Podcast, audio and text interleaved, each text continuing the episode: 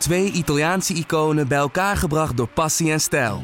Peroni Nastro Azzurro 0.0 is de trotse nieuwe teampartner van Scuderia Ferrari. Doe mee met ons en de meest gepassioneerde fans op het circuit, de Tifosi.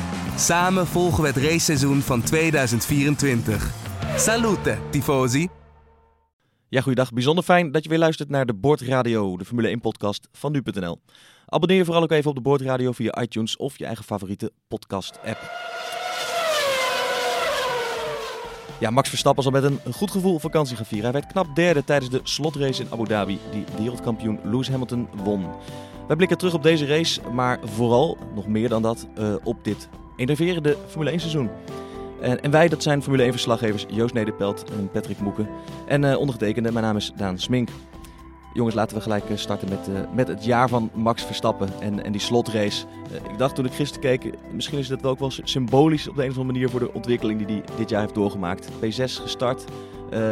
het zat niet echt mee aan het begin bij de start, maar toch nog gewoon derde worden en op het podium eindigde. Dat, dat zegt ook wel wat over, over hoe Verstappen zich dit jaar heeft ontwikkeld. Ja, een, een seizoen van uiterste, een race van uiterste zou ik haast zeggen. Hè? Dat, wat je zegt, het was tekenend. Begon moeizaam, dat kunnen we wel zo stellen. Heel veel kritiek gehad, uh, vooral in het, uh, in het buitenland van uh, verschillende media. Lijkt alweer zo lang geleden, hè? Lijkt alweer, ja, je kan het je haast niet meer voorstellen. Maar echt, ja, zijn reputatie stond op het spel, weet ik, hebben we hier ook gezegd. En dat was ook wel een beetje zo, want hij maakte echt veel fouten. Maar ja, daarna, hoe hij zich hersteld heeft, is fenomenaal. Ik heb hier nog een lijstje van zijn resultaten na de zomerstop. P3, P5, P2, P5, P3, P2, P1, P2, P3. Dus hij heeft twee keer niet op het podium gestaan na de zomerstop en toen werd hij vijfde. Ja, is ongekend. Kun je nagaan als uh, eerste, die eerste helft van het seizoen iets beter was verlopen, dan had hij gewoon uh, heel lang om de titel mee kunnen doen. Ja, en eigenlijk begon dat al in, uh, in Spanje toen hij derde werd in, in een race die, ja, waar van tevoren niet was verwacht dat Red Bull het heel goed zou doen. Maar toen kon je eigenlijk al zien wat, wat Verstappen uit die Red Bull kan knijpen en dat hij hem gewoon helemaal alles eruit haalt. tenminste, die indruk wordt wel gewekt.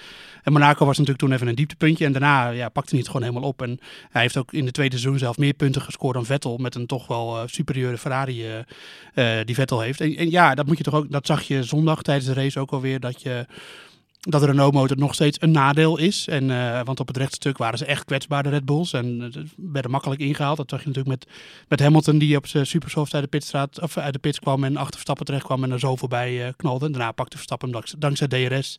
Want dat is natuurlijk Abu Dhabi, dat je twee DRS-zones achter elkaar ja. hebt. pakt hij nu wel weer terug. Maar het, ja, zelfs met de Force India's ook, hè, dat ja, ja, was. Maar zeggen ook een beetje gênant haast. Ja, toen werden er gewoon compleet... Nou zijn de Force India's, die stonden volgens mij wel echt afgesteld op topsnelheid. Maar, ja. maar dan nog, dan zie je gewoon dat dat een, een, iets is wat nog echt aangepakt moet worden. En dat is het enige ja, probleem eigenlijk nu nog voor Verstappen. De auto is echt goed. Nou ja, de vraag is of je dat volgend jaar natuurlijk nog steeds is. Ook met de montage van de Honda-motor erin. Maar aan Verstappen zelf uh, twijfelt niemand meer volgens mij. En uh, ja, er is ook helemaal geen reden meer voor om dat te doen. En dat ene foutje Monaco in die derde vrije training, daar kwam zoveel bij los. Maar eigenlijk ja, hadden ze die race natuurlijk gewoon met Red Bull 1-2 moeten winnen. En dan uh, had hij ja, de, de, derde plaats in ieder geval makkelijker in handen gehad. En, en daarna heeft hij het gewoon heel erg goed gedaan. En, en uh, volgens mij ziet iedereen, dat zag je gisteren ook wel tijdens die scène, die scène op het rechtstuk nog, dat, dat dan uh, Alonso daar staat, tweevoudig wereldkampioen, Vettel viervoudig wereldkampioen, Hamilton vijfvoudig wereldkampioen.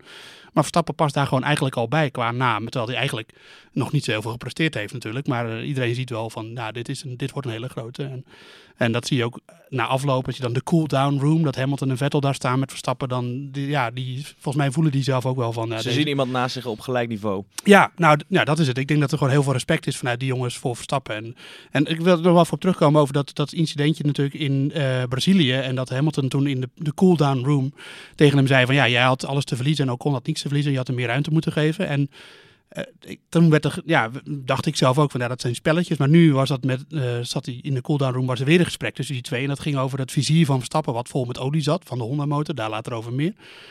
En toen uh, zei Hamilton van ja, ho hoezo kon het uh, dat je dan niks meer kon zien? Had je dan geen terrors meer? En uh, hoe, hoe kwam dat dan? En het is ook een beetje een soort van vaderfunctie, zou je bijna willen zeggen. Die Hamilton, hij, is altijd, hij geeft altijd wel veel om jonge coureurs. Heb ik het idee dat hij wel tips wil geven of dat soort dingen.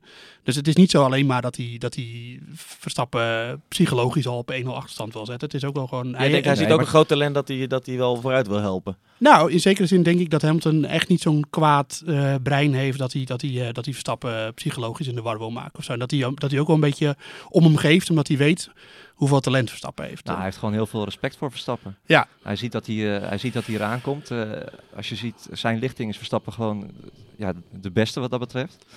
En hij herkent misschien ook wel dingen van zichzelf erin, dat hij, dat hij op de deur klopte. En, uh, maar ik denk wel, in Brazilië, de, Hamilton is ook heel hè, vergis je niet natuurlijk.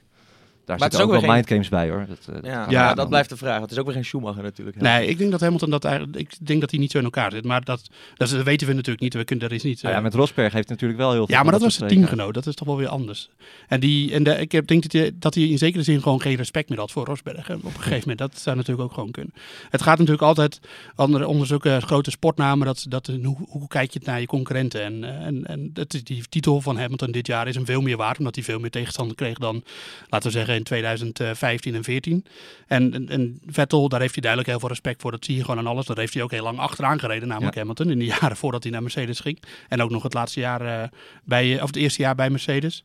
Dus ja, da, die heeft, daar heeft hij veel respect voor. En voor Verstappen ziet hij gewoon, denk ik, wat hij kan. En dat respect heeft hij niet voor zijn teamgenoot. Laten we die eens bijvoorbeeld noemen. Ja, nou ik wil nog heel even bij Verstappen zelf blijven. Hè, want uh, we noemden net al, aan het begin van het seizoen uh, uh, was die, lag hij ontzettend onder vuur. Dat heeft hij toch wel eigenhandig omgekeerd, mag je zeggen. Ja. of heeft hij niet zoveel anders gedaan dan in het eerste seizoenshelft? Zat het hem toch ook wel echt tegen? Ik denk dat het eigenlijk allemaal een beetje meevalt. Hoeveel. Uh, kijk, in Australië was gewoon een, was een ongelukkige race. Waarin hij, uh, nou ja, waarin hij eigenlijk vooral een slechte start had. En de, dat, ja, dat, daarna liep het niet zo goed. In China reed hij tegen Vettel aan. Oké, okay, dat was een fout. Azerbeidzjan, daar kun je nog over twisten wie schuld dat nou was. Uh, en in, in Monaco maakte hij een fout. Ja, het, het, is niet zo dat het een regen van fouten was. Nee. dat valt ook wel weer mee. In Bahrein kwam hij natuurlijk in contact met Hamilton. ja. Bij, ja, een race-incident was dat eigenlijk. Maar ja, dat, dat, winnen en verliezen ligt wat dat betreft zo dicht bij elkaar. Want in Oostenrijk uh, gaat hij Rijkonen voorbij in de eerste bocht. Raakt hij ook Rijkonen op het achterwiel. Ja, voor hetzelfde geld eindigt hij daar ook in de grindbak. En dan zeggen we allemaal, ja, wat heeft hij nou, uh, waarom neemt hij dat risico? Ja, ja, zonder... ja nu wint hij hem en dan is het, uh, dan is het ja, Nu het duelletje met Ocon. Hij, en met hij Bottas dacht, ik geef hem gelijk even een, een tikkie. Ja. Hey, Ocon, Ocon voor me. Die, die moet ik even aanpakken. Ja. Pats tikkie en het loopt goed af. En, en niemand heeft het er verder over. Terwijl Nee. als het misgaat, dan heb je weer een nieuwe zaak. En dan heeft hij niks geleerd tussen haakjes. En dat is met Bottas natuurlijk hetzelfde, dat duel. Het is echt een gewaagde actie en een hele mooie inhaalactie. Ik denk dat we daar allemaal over eens zijn. En daar raakt, rijdt Bottas ook tegen hem aan. Ja, en als dat dan in tranen eindigt, dan is het ook weer van, was Verstappen te ongeduldig. Maar ja, daarom, het is een dun lijntje. En, Ja. eh, eh, bedoel, Maar pre- tegelijkertijd moet je wel dat soort risico's nemen om, om een Mercedes in te halen. Hè? Ja, dat, eh, kijk, ja. Ja, dus het is, eh, het, is, het is. Ik denk niet dat Verstappen echt heel veel dingen heel anders is gaan doen of zo. Dat, eh, dat, hij, dat hij zichzelf helemaal omgedraaid heeft in zijn benadering. Dat kan ik me eigenlijk niet voorstellen. Hij zei dat gisteren ook in gesprek met Ziggo Sport, hè, nog na afloop. eh, Van ja, ik lulde eigenlijk maar een beetje mee om van al dat gezeur af te zijn eh, van jullie. nu is dat ook alweer een typische Max-uitspraak. hè, Dat is een beetje, een beetje prikken zo onder water. Ja, maar, Maar, nee, ja. het is, eh, hij heeft gewoon echt een heel goed seizoen gedraaid. En in het begin wa- kwam het een paar keer ongelukkig uit. En natuurlijk eh, moet hij zichzelf eh, zo'n crash als in Monaco aanrekenen. Dat zul ik gerust wel doen. Dat, dat, maar dat die jezelf iets aanrekenen en denken van, nou, dat, dat moet ik de volgende keer anders aanpakken. Dat is hetzelfde met die inhaalactie op Vettel in China. Dat is iets anders dan dat je je hele rijstijl aanpast. Ja. Nee. Je, ziet, Dus- je ziet ook in deze slotrace hè, dat hij gewoon wel dicht bij zichzelf is gebleven. Als je bijvoorbeeld kijkt de manier waarop die Bottas eh, voorbij stak. Met heel wijd naar buiten en toen binnendoor. Met best wat risico, want Bottas zag hem niet, zei hij zelf lachend ook na afloop. ja. Dat, eh, dat vond hij, eh, daar genoot hij ook wel van. Ehm, maar hij zei ook, weet je, dan, dan zie je hoe dun dat lijntje is. Want als het niet goed afloopt, gaat het, eh, kan het helemaal misgaan. Maar het moest wel nu gebeuren, zei hij. Want Ricciardo kwam er ook aan. ja, precies. En ook totaal op een manier zoals je het niet verwachtte. hè. Het is Ja. logisch om het op het rechte stuk te doen met DRS. Nou, daar kwam je niet voorbij. Dit bracht hem het podium, hè? Absoluut, ja. En nee, fantastisch. En een typische Verstappenactie, gewoon net even anders dan de rest. En ja, met succes. Ja, dus eh, dat is ook nog eens, je zegt dan inderdaad, Ricciardo kwam eraan. En dat, dat was ook de, de naam die natuurlijk het meest genoemd werd aan het begin van het seizoen. Dat, dat Ricciardo was de, de eh, uitgebalanceerde, rustige Australiër, eh, ervaren man die weinig fouten maakte. En die dan het geduld toonde op bepaalde momenten. En Verstappen was te ongeduldig. Nou ja, je ziet hoe het seizoen gelopen is. Dus eh, Verstappen heeft Ricciardo dit seizoen ook... Oké, Ricciardo heeft veel pech gehad, maar dan nog heeft hij hem compleet overvleugeld. We hebben over Ricciardo bijna niets meer gehoord in de tweede seizoenshelft. Nee, ja, en hij, heeft, hij is ook heel veel uitgevallen natuurlijk. Dat, dat, dat moet, moet Ook gezegd veel pech. ja, maar, eh maar Ricciardo stond er ook in de kwalificatie doorgaans achter. Ja, Alleen en in Mexico niet. En, Nee. eh, en dit afgelopen weekend natuurlijk ook niet. Vaak als hij uitviel, reed hij al achter Verstappen. Ja, dus eh, nee, ja, het, is, het is natuurlijk een beetje de waan van de dag. En toen was er een reeksje van incidenten waar Verstappen schuldig aan was. En dat, dan krijg je een hele hoop, hele hoop gezeik en gemopper. En, eh, en misschien ook wel terecht. En eh, dat is een proces waar alle jonge coureurs doorheen gaan. Dat heeft Hamilton ook gehad. Dat heeft Vettel ook wel gehad, iets mindere mate. Uh, en Verstappen is daar ook doorheen gekomen. En nou ja, je ziet wat het resultaat is. Dat, hij gaat niet in een heel anders sturen of anders remmen of anders een bocht in of anders een inhaalactie plannen. Dat is hij gewoon blijven doen zoals hij deed, denk ik. En we zien gewoon dat als hij gewoon een, een reeks heeft, kan neerzetten van, van goede races waarin het niet te veel fout gaat, dan, dan is het gewoon een topper. Ja, want uh, uiteindelijk is uh, zeker niet Verstappen, maar uh, de man die zich, die zich na dit seizoen een beetje achter de oor moet krabben, dat is, dat is Sebastian Vettel natuurlijk. Voor dit seizoen voor veel mensen de favoriet voor de titel. En daar, ging, daar ging gewoon een hoop mis. Ja. Bij Vettel en Ferrari. Bij Vettel en Ferrari, ja, al veel over gesproken. Ik moet zeggen, de laatste weken gaat het weer wat beter. Al had Ferrari natuurlijk uh, wel weer, net als vorig jaar trouwens, waar we straks gaan we nog het een en ander vergelijken natuurlijk met elkaar, maar uh, toch weer wat betrouwbaarheidsprobleempjes. Rijkonen die stilviel. Nou heeft Mercedes ook wel de nodige problemen gehad, maar dat uitte zich wat minder in uitvalbeurten. Um, maar Vettel heeft gewoon natuurlijk het tweede seizoen zelf matig gepresteerd. En dat, of dat nou ligt aan de snelheid van de auto, of dat nou ligt aan de kwaliteit van Hamilton, dat, is een optelsom natuurlijk van factoren, maar hij zal toch zelf ook zich wel achter de oren krappen of hij wel acht, alles uit de Ferrari heeft gehaald wat erin zat. En dat, uh, nou, als, als hij dat alles op een rijtje zet, dan uh, komt hij tot, tot de conclusie dat dat natuurlijk niet zo is. Nee, nee, inderdaad. Want ja, het is wel even goed nog een auto die de Mercedes redelijk makkelijk bij kan houden. Het is niet meer dat hij sneller is. Dat was natuurlijk een aantal keer in het seizoen zo. Maar ja, ook zondag, uh, af afgelopen zondag was het ook gewoon, vinden ze er een paar seconden achter. En misschien had Hamilton uiteindelijk een betere strategie met die keuze ja. om onder de virtual safety car naar binnen te gaan. Maar het is niet zo dat Ferrari echt heel erg ver achterop is geraakt. Veel minder dan dat vorig jaar het geval is in ieder geval. Ja, want als we dit jaar, als we in een breder perspectief naar dit, naar dit jaar kijken, uh, wat, wat waren voor jullie dan de, wat waren de grootste hoogtepunten? Ja, dat zijn er echt hartstikke veel. Uh, ik, ik, zei al, het was een innoverend jaar in de inleiding, maar dat is misschien nog zacht uitgedrukt. Ja, het is echt een fantastisch seizoen geweest. Als je puur, eh, niet om de titelstrijd misschien, maar wel als je kijkt naar gewoon de Grand Prix los, van hoeveel leuke races we gezien hebben. Uh, zoveel verhalen. Denk alleen al aan Baku, waar de twee Red Bulls met elkaar in contact komen en elkaar eraf rijden. Uh, Bahrein was een leuke Grand Prix met Hamilton uh, en Verstappen die met elkaar in de clinch lagen. Groot-Brittannië, waar tot een paar rondes voor het einde vier coureurs nog konden winnen. Monza was gekhuis met Hamilton, Vettel, die daar spinden. Hockenheim, waar Vettel in de grindbak eindigde. Austin. Austin, het is echt, ja, je, je, je, vergeet haast alweer, maar het was echt, ja, het was fantastisch. Nee, we hebben echt, um, er wordt veel gezegd altijd over de show in de Formule 1 en daar is de organisatie ook altijd heel erg mee bezig, maar ja, we hebben dit seizoen door, en dat, en dat is nog het mooie, het is natuurlijk altijd het verhaal van, ja, je hebt regen nodig om een echt leuke race te hebben. Nou, het tegendeel is wel bewijs, het, bewezen. Het regende heel eventjes. Ja, ja, ik heb spetters gezien. Ja, ja. Ongelooflijk, ja. Ja, ja dat, uh, dat, dat, op de Twitters ging het al helemaal los van uh, dat het wordt een regenrace naar Abu Dhabi. Maar uh, dat gebeurde natuurlijk. het water was al verdampt voordat de grond raakte waarschijnlijk. maar Nee, ja, dus je hebt helemaal geen regen nodig om een hele leuke race te hebben. Dat is wel bewezen. Dat hebben we in, in, in bijvoorbeeld twee keer achter elkaar gezien.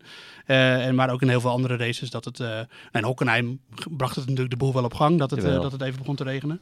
Maar ze hoeft helemaal geen bepalende factor te zijn in, in hoe leuk een race is. Dit is, dit is wat de Amerikaanse eigenaren van Liberty willen hè, met de Formule 1. Maar heeft dit ook al met hun overname te maken dat het dan zo'n spectaculair seizoen is geworden? Nee, denk ik niet. Want de, de, de redenen waarom die races spannend waren, was niet door de maatregelen die zij hebben genomen. Nee. Dus dat was meer dat, uh, dat je het geluk hebt dat uh, Ferrari en Mercedes head-to-head uh, -head gaan en, en aan elkaar gewaagd zijn. En dat Red Bull daar in veel races ook gewoon, vooral in de races, laten we dat wel vooropstellen, niet in de kwalificatie, maar in de races daar gewoon meedeed en volop zich er in de strijd kon mengen. En Stappen die natuurlijk gewoon, ja, wat ik nou al zei, alles uit de Red Bull kneep wat erin zat. En uh, dat maakte het gewoon een heel leuk seizoen. Uh, vooraan en ook uh, in het middenveld was het heel spannend. allemaal heel dicht bij elkaar. Ja, ja. dus nee, dat... en je, je hebt ook gewoon leuke kleine dingen ertussendoor die, gewoon, die het leuk maken. Ik vind bijvoorbeeld, ik heb erg genoten van, van de opkomst van Leclerc dit seizoen. Charles Leclerc met de, met de Sauber. De Sauber die zelf natuurlijk ook gewoon een stuk sneller is geworden. Dat was gisteren, of zondag was dat gewoon de, nou ja, in ieder geval de vijfde auto. De, ja, de vijfde auto achter de Renault, alleen Sainz... Ja. Leclerc die weer een betere auto gezien komend jaar. Ja, die in een uh, rode. Ja, dat, dat is echt uh, een van de, de allerleukste dingen om naar uit te kijken. Hoe gaat Leclerc doen bij Ferrari naast Vettel? En kan Vettel hem uh, achter zich houden? Dat, ja, dat wordt een. dat, dat, het laatste wat Ferrari wil is een zo'n groot talent brengen. En die dan in een, in een soort van B-rol als tweede rijder bij Ferrari neerzetten. Ik denk niet dat ze dat gaan doen. Gaat niet gebeuren. Nee. nee. Patrick, welk moment, welke, welke race of welk moment zou je het meest bijblijven van dit seizoen? Poeh, ja, dat zijn er toch wel uh, meerdere. Baku vond ik toch wel geweldig, waarbij je echt... Uh, uh, ja, Verstappen kwam net terug uit die, uit die lastige periode. Had, ja, zat hij nog een beetje middenin eigenlijk. Knokker wilde zich bewijzen tegenover Ricciardo. Nou, die wilde ook niks toegeven. Die waren de hele race aan het vechten met elkaar, kwamen met elkaar in contact eraf. Nou, hij is aan de afloop. Uh, Bottas die daar nog drie, drie rondes voor het einde met een lekke band de zege uit, uit handen gaf. Ja, dat was een schitterende Grand Prix. Maar ook ja, Monza was ook van begin tot eind spektakel. Niet wetende wie er gaat winnen. Wordt het Kimi die voor het eerst weer een, een Ferrari zegen gaat boeken in, in Italië. Maar het werd Hamilton toen uiteindelijk op, op Ferrari grond. Austin was ook geweldig, die inhaalrace van Verstappen. Waarbij hij zich vanuit ja, de achterhoede naar P2... Was Austin eigenlijk zijn beste race? Ja, mm, misschien wel. Ja, ja. spel met Singapore, denk ik. Want dat vond ik ook echt heel knap. Met een bokkende, bokkende auto die niet helemaal deed wat hij wilde. Uh, toch gewoon naar de tweede plaats rijden. Dat was, was echt heel knap. Ja. ja. dus een race die hij niet won was uiteindelijk zijn beste race. Ja, dat is, het, ja. het gaat om de relatieve prestatie natuurlijk. Ja, ja mijn moment was echt uh, eigenlijk, dat is misschien een beetje raar, maar de, de opluchting. Uh, dat, ik zat in Australië, Melbourne was bij de Grand Prix. En daar was de kwalificatie bezig. En op een gegeven moment reed Hamilton reed een rondje naar nou, het eh, was een fantastisch rondje. En hij was zoveel sneller dan de Ferraris en dan Vettel in ieder geval. En toen was een beetje de tendens in het mediacentrum. Dan zie je dan met alle journalisten bij elkaar van... oh, dit wordt weer een oud-en-oud Mercedes-seizoen... waar Hamilton helemaal het hele boel op een hoop gaat rijden... gaat domineren en elke race gaat winnen. En uh, de volgende dag was het alweer anders. Toen had Ferrari de race gewonnen. En toen dat was een soort van opluchting. Niet omdat Ferrari nou per se gewonnen had, maar dat, dat je wist van dit wordt een, dit kan een, dit wordt een seizoen. Met, uh, met in ieder geval, ja, bedoel, iedereen wil toch een, een, spannende strijd. Niemand zit te wachten op een seizoen waarin één team en één coureur alle races wint. Dus nee. uh, dat, was, uh, dat was toen echt. Ik, er, Hamilton zette die tijd op de klok en het was echt een. Oh, we gingen zo naar het medisch centrum. Oh, dit wordt echt een, dit wordt een dramatisch. Dit gaat leuk worden. Ja, ja, ja, nou ja, nee, eigenlijk niet. Toen was het van dit wordt een dramatisch seizoen. Van, ja, maar de dag later bedoel Maar de dag later dat, dat, dat Mercedes in de fout ging en met die virtual safety car en Vettel kon winnen toen, ja, toen was al duidelijk van Ferrari gaat wel weer een rol spelen dit seizoen. En dat, uh, dat uh, zorgde er in ieder geval voor dat het een heel leuk seizoen was. En daar speelde Ferrari niet alleen een rol in, maar wel ja, laten we wel blij zijn dat hij in ieder geval wat tegen, tegengeluid gaf. Eh, door de, zeker in, de, in de, eerste, de eerste. En daarna kakte het een beetje in, dat moeten we wel zeggen. Maar dat was vorig seizoen ook al zo bij Ferrari. Dat is echt hetgene waar ze aan moeten werken, die tweede seizoen. Ja, dat is wel zonde geweest ook hè, voor de titelstrijd. Want op een gegeven moment kreeg je het gevoel, nou dit gaat tot het einde van het seizoen spannend blijven. Maar uiteindelijk is het toch drie races voor het einde beslist. Dat Dank, had dankzij moeten, goede Hamilton. Ja, dat had ook gewoon moeten gebeuren natuurlijk. Dit, dit, dit, was absoluut een seizoen waar we een seizoensafsluiter in Abu Dhabi het, uh, het kampioenschap uh, beslist hadden willen zien worden. Ja. En wat ook had gemoeten. Dat, uh, ja, Ferrari heeft de races, of dit seizoen echt verloren in die vier races. Uh, Duitsland, Hongarije, België, Italië. België wonnen ze dan, maar uh, Hongarije, Duitsland, dat Vettel natuurlijk die fout maakte. Italië, dat het natuurlijk helemaal uh, de mist in liep bij Ferrari. Dat was een bepalende fase. En toen gingen ze naar Singapore. Nou, iedereen had verwacht oké, dat Ferrari daar het snelste zou zijn. Dat was de, de consensus. En Hamilton die reed een fantastisch weekend, zette geen, geen wiel verkeerd, deed alles goed. En daarmee was het eigenlijk besloten hoe het seizoen daar lopen. En dat was wel ontluisterend voor Ferrari, maar... Ja, wat me dan opvalt, om daarop in te haken, ik vind het, ik sta er iets verder vanaf dan jullie, maar ik vind het nog vrij rustig bij Ferrari. Ik dacht bij die emotionele Italianen, die weer niet de beste zijn, terwijl ze dat wel zo graag uh, willen, daar gaan koppen rollen nu. Ja, ze zijn het misschien gewend inmiddels dat ze niet... Uh... Nou, nou, zou het ook niet te maken kunnen hebben met het uh, overlijden van Sergio Marchionne, die topman? Dat ze nu juist zoiets hebben van, nou, we houden, we houden de rust in de tent, we gaan nog even door zo. Ja, of, dat niemand, of dat niemand een beetje de, de, macht daar nu in de handen heeft, of, of dat het een beetje Nou ja, dat is. ze misschien bewust voor kiezen van, nou, we gaan nog even door, we gaan niet heisa trappen nu, nu zoiets heftigs is gebeurd. We gaan eerst even alles laten bezinken, wat eigenlijk niet des Italiaans is. Uh... Vettel verwees er ook nog naar hè, op de afsluitende persconferentie, ja. uh, terugblikkend op dit jaar, dat dat toch wel veel impact had gehad. Logischerwijs, maar ja. het zei ook wel wat dat hij daar nog zelf op terugkwam. Ja, precies. En uh, ik denk dat het toch wel ja, van hele grote invloed is geweest. Aan de andere kant, als je kijkt puur naar punten en resultaten, was dit wel Ferrari's beste seizoen van de afgelopen jaren. Ja. Ook al hebben ze de titel niet gewonnen. Ja, dat, dat, is ook de reden waarom er denk ik geen de koppenrol is. Omdat ze gewoon eindelijk een technische staf bij elkaar hebben die goed functioneert. Met uh, Mattia Binotto aan de leiding daar. Eigenlijk sinds hij het roer heeft overgenomen, presteert Ferrari gewoon weer goed. Maken ze in ieder geval een auto waarmee je races kan winnen. En dat was natuurlijk uh, een tijdje niet zo. Dus... Uh, Nee, ik denk, ik heb het idee dat ze gewoon uh, vooral uh, op de veel details, maar wel op details uh, zich moeten verbeteren. Of willen ze Mercedes echt, echt tot het einde aan partij kunnen bieden. Maar ja, daar zit ook een factor coureur zit erbij. Uh, Hamilton heeft gewoon, ja, dat hebben we al vaak benoemd, maar uh, misschien wel zijn beste seizoen gereden. In ieder geval één van zijn beste. Dat is uh, Ron Dennis, de oude teambaas van, van Mercedes, die zei, of van McLaren, die zei altijd van ja, al wil je een auto echt sneller maken, dan moet je er een andere coureur in zetten, een betere coureur in zetten. maar dat, heeft Ferrari nu gedaan. En dat heeft Ferrari gedaan. Ja, Leclerc krijgt de kansen. Dus ze hebben toch iets gedaan. En nou ja, laten we zien hoe dat uitpakt. Ja, zeer benieuwd. Laten we alsjeblieft hopen dat het volgend jaar een, een, een drie-strijd wordt. Met drie teams om, het, om de seizoenzegen. Um, Eén man die dit jaar heel anoniem rondreed. Maar over wie we het zeker nog moeten hebben, want hij nam afscheid. Tweevoudig wereldkampioen Fernando Alonso. Triest einde. Een gefrustreerd, frustrerend seizoen voor hem.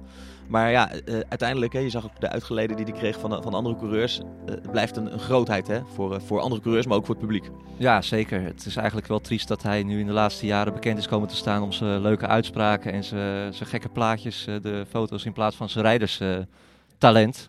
Okay, Fernando, there are five laps to go. Five laps to go. Last time round, you were six tenths quicker than Grosjean. Gap to him currently 5.6 seconds. There's a point here for grabs, mate. There's a point here for grabs. Let's go get him. Let's go get him. More performance. Multi C2, position one, please. C2, position one. I have 1,800 points. Well, for me, make it 1,801. Want ja, Alonso is, ik denk dat Joost dat wel kan beamen, is een van de grootste coureurs uh, aller tijden. Puur qua snelheid, uh, maar ook qua uh, uh, uitstraling. Uh, kwam binnen, is eigenlijk de enige coureur die Schumacher in zijn hoogtijdagen verslagen heeft. Doorbrak de hegemonie van Ferrari in uh, 2005. Toen dacht iedereen, die Alonso, dat gaat de meest gevierde coureur ook, ja, ook ooit worden. Maar hij maakte een paar verkeerde keuzes en hij maakte iets te veel ruzie. Is dat kort samengevat? Ja, ja eigenlijk hij heeft zich ja, door bepaalde acties niet populair gemaakt bij, bij teams. Althans, je wist, je haalde met Alonso wel een snelle coureur in huis. Maar ook een hele lastige jongen. Ja. En dat heeft hem toch wel een beetje opgebroken. Aan de andere kant, hij heeft nu twee titels, maar hij is, ook, hij is wel drie keer heel dicht bij een titel geweest nog. Uh, in 2007 kwam hij één punt tekort uh, toen Kimi kampioen werd. Uh, 2010 met Vettel scheelde het maar vier punten. Hadden we die geweldige race in Abu Dhabi in 2010. Schuld van Vitaly Petrov, ja, waar, waar, die, denken. waar die vast achter ja, te zitten. Dat was echt een strategische. Toen had Ferrari de, de, de, de, de wereldtitel met Alonso voor het oprapen. Ja. Ze hoefden eigenlijk alleen maar in de punten te rijden. Uh, of tenminste dik in de punten te rijden wel, maar ze hoefden niet te winnen. Ja. En toen, maakten ze, toen lieten ze zich misleiden door Webber, die ook uh, titelkandidaat ja. was. Die reed toen bij Red Bull, teamgenoot van Vettel, die uiteindelijk kampioen werd.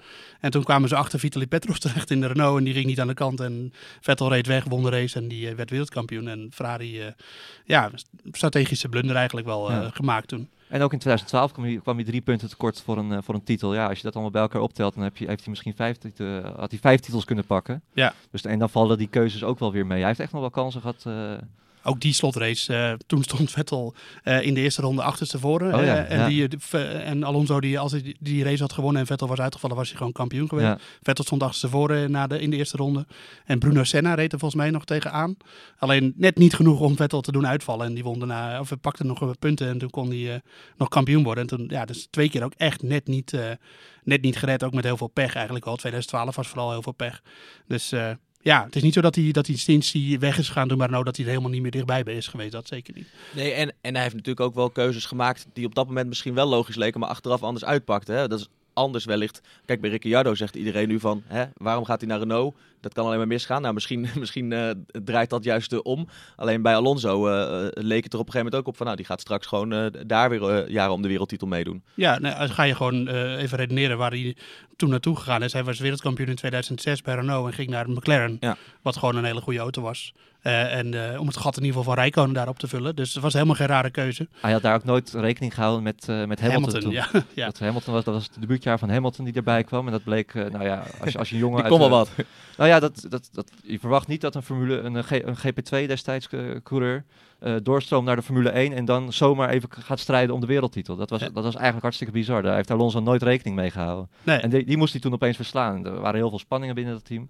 Ja. Anders... Ja, even, we hadden het van de week nog over dat, dat voorbeeld, moet je toch even noemen nog. Ik denk dat veel mensen dat al vergeten zijn. Maar met die, uh, was het dat jaar, met die uh, pitstop ja. Uh, ja, in Hongarije, ja. ja klopt. van Alonso. En typisch Alonso-geintje wat hij daar flikte binnen zijn eigen team. Vertel eens. Ja. ja, lang verhaal kort. Was in de kwalificatie voor de Grand Prix van Hongarije. En uh, op het asfalt uh, in de laatste uh, run, zeg maar, kregen ze al een beetje, kregen ze al een beetje bonje met elkaar. We hebben het over welk jaar? 2007. 2007 was het, ja. ja. In de McLaren-tijd, Alonso en Hamilton teamgenoot. Die kregen al bonje met elkaar. Uh, Alonso wilde Hamilton al niet uh, voorbij laten op het rechte stuk. Dat hadden ze vooraf afgesproken in de, in de rijdersbriefing. Um, ja, ze waren dus, streden dus met elkaar om de titel. Alonso kwam de, de pits in. Uh, met nog een paar minuten op de klok. Stond even iets te, iets te lang stil. Hamilton sloot achter hem aan. De, je had toch nog de lollipopman, hè? Dat, uh, de man met de stok die voor de auto stond. Die deed hem al omhoog. Dus zo van, nou Alonso, je mag, je mag vertrekken. En je ziet Alonso zo naar, in zijn spiegel kijken naar links. En Hamilton, Hamilton staat achter achter. hem. En hij blijft gewoon nog 10 seconden zo staan. Vervolgens rijdt Alonso de pole. Ja, ook, ook dat nog. en Hamilton heeft niet meer genoeg tijd om een rondje neer te zetten. Ja, nou ja dat soort dingen. Ja, ja toen wat, wat, Ron Dennis die stapte toen van de pitmuur af bij, uh, bij McLaren. De baas was dat toen. En die pakte van de fysio van, van, uh, van uh, Alonso. Die stond met een stopwatch in zijn handen. En pakte die zijn headset af, zodat hij niet meer met Alonso kon praten.